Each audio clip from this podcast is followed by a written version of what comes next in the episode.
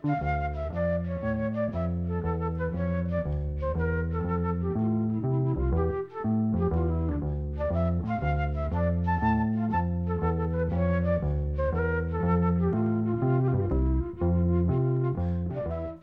sæl.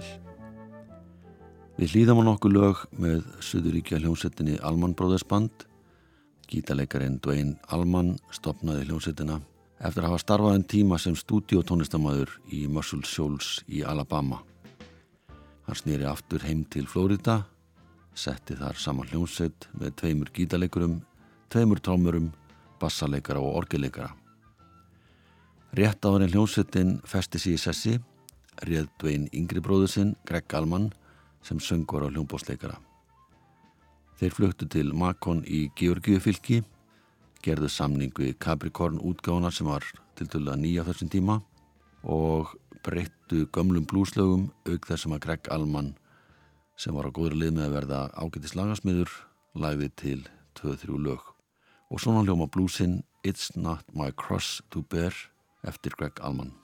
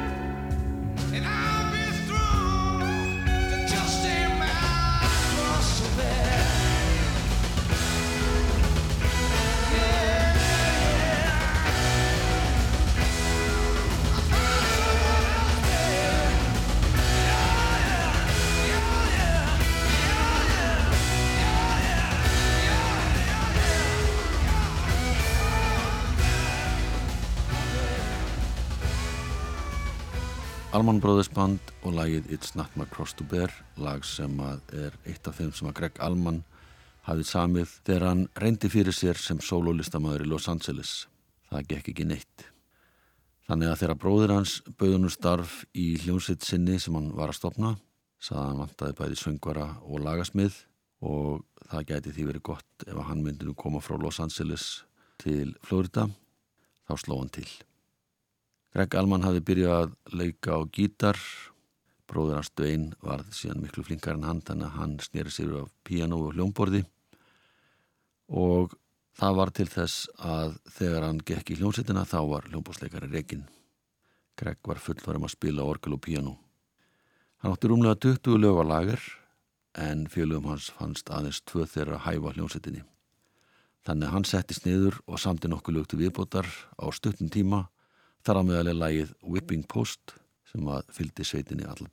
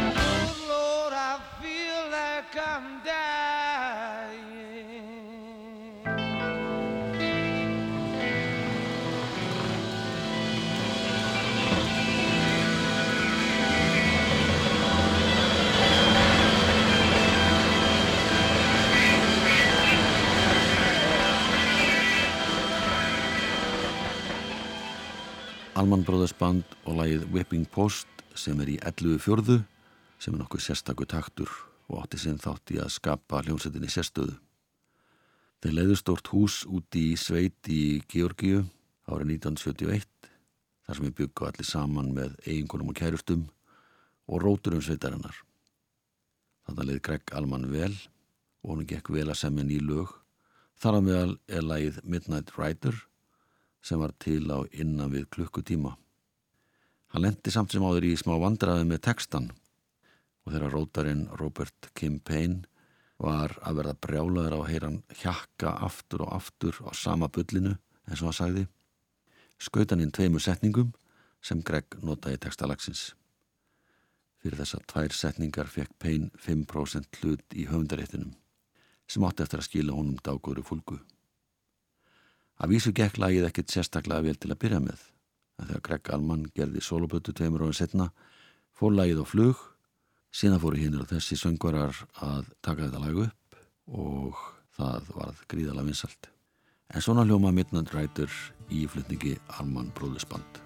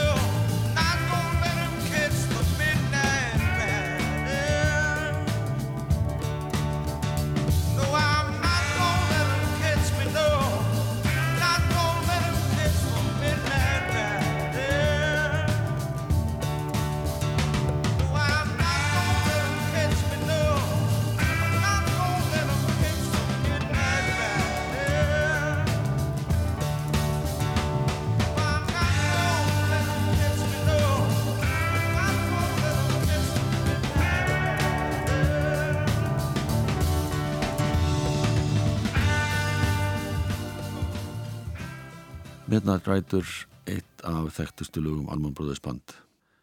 En eitt af því sem engendi þessa hljómsveit var svo starrend að sveitin var með tvo gítarleikara Dwayne Allman og Dickie Betts. Þeir fléttuðu skemmtilega saman gítarslöfur. Hljómsveitin var líka með tvo trommara Bud Strux og J. Johanni Johansen. Hann er sá eini af uppalöfu meðlumum Alman Brothers Band sem er enn færum að spila þegar sveitin mun halda upp á hálfraldar amalið sitt í Madison Square Garden 10. mars 2020. Flestir gömlu félagan eru fallni frá en gítalegarinn Dickie Becks er enn á lífi. Hann var reygin árið 2000 vegna óreglu og stopnaði þá sína eigin hljómsveit. En hann er ófærum að spila sem stendur eftir áfall sem hann fekk í ágúst 2018. Þeir sem komið til með að spila á þessum tónleikum með J-Mo eru Derek Trucks, Sonu Butts Trucks, Warren Hayes, Otel Burbridge og Mark Quinons en þeir spiluðu allir með sveitinni þegar hér sína síðustu tónleika á undan þessum árið 2014. Chuck Level tekur sæti Gregs Alman við hljómborðið en Greg lést í mægi 2017. Þetta verða vantalega kveðjutónleikar Alman Brothers ef af líkonleitur. Hér er mér upptöku á State Sport Blues á hljómlögum 1971.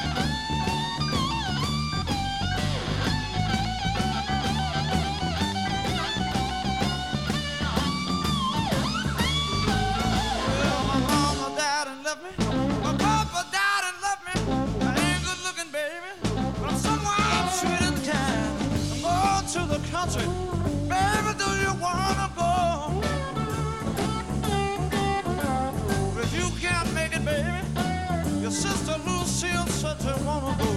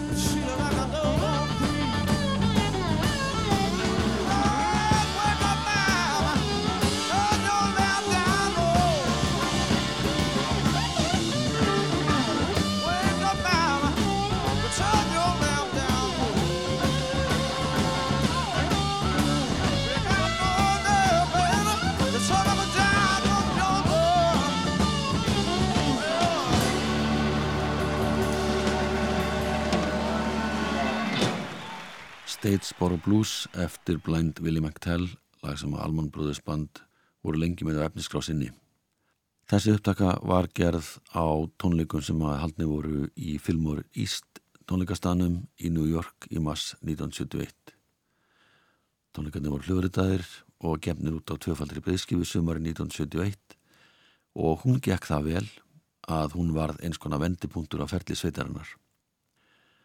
Alman Bróðisband voru rétt byrjaðir á þriðju breyðskifu sinni um þessa myndir, tóku sér smá hlið frá tónleikahaldi og upptökum haustið 1971 en þá gerist það stopnandinn, Dwayne Allman, sem átti Harley Davidson hjól, var á mikillir ferð á þjóðvegi þegar timpuflutningabifrið stansaði á nokkus fyrirvara á miðum veginum. Dvein Alman reyndi að sveia fram hjá bílnum, lendi á aftur önda hans, kastaðist langt út fyrir veg með hjólið ofan á sér og var fyrir það miklum innvortis meðslum að þau leittan til dauða. Bróðir hans, Greg Alman og félagar hans kláruðu plötuna og Greg samti lagti minningur á bróðu sinn. Það heitir Ain't Wasting No More Time.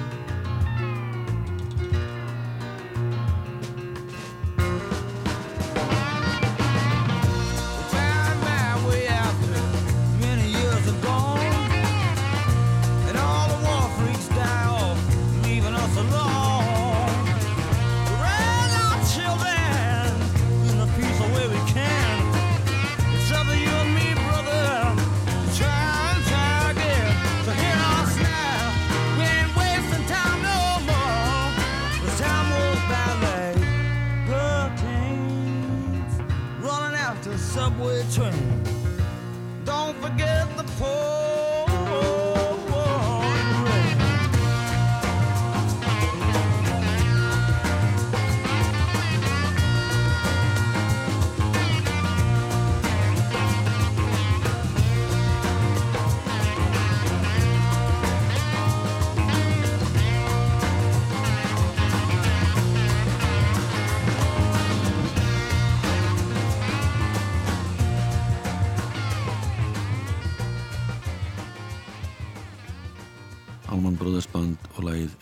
Wasting No More Time sem Greg Allman samti til að minnast bróðisins sem lest eftir mótjólaslís haustið 1971 24 ára gammal Þeir kláruðu plötuna notuðu nokkur lög af tónleikum en líka nokkur ný og frumsaminn fóru sérna í hljómleikaferð sem gekk mjög vel og þeim var vel tekið allstaðar fundu mikinn hlýhug frá aðdáðandi sínum.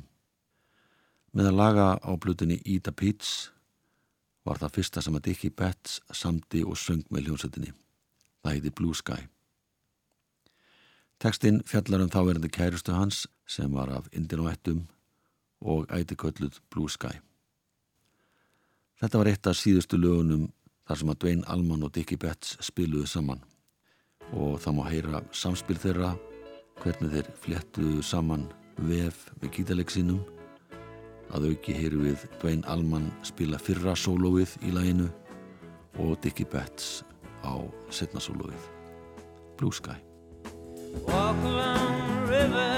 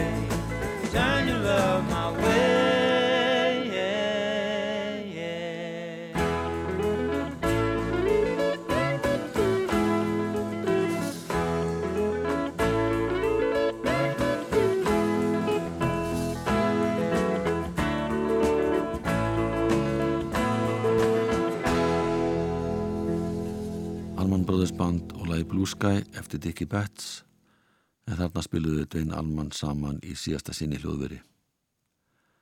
Eftir andlátt Dvein Alman var bassalegarinn Berry Oakley algjörlega miður sín.